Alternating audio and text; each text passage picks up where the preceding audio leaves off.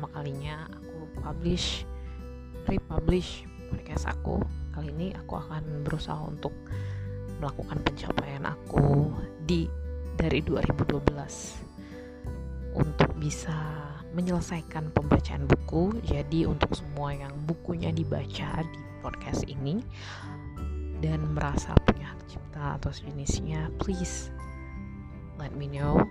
Karena sebenarnya tujuan aku adalah supaya orang bisa membaca buku, entah itu dengan buku cetak atau salah satu opsinya adalah dengan audiobook.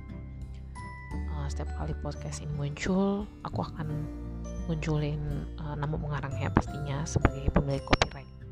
Aku harap kalian bisa menikmati podcast aku. Dan sampai ketemu di episode selanjutnya. Bye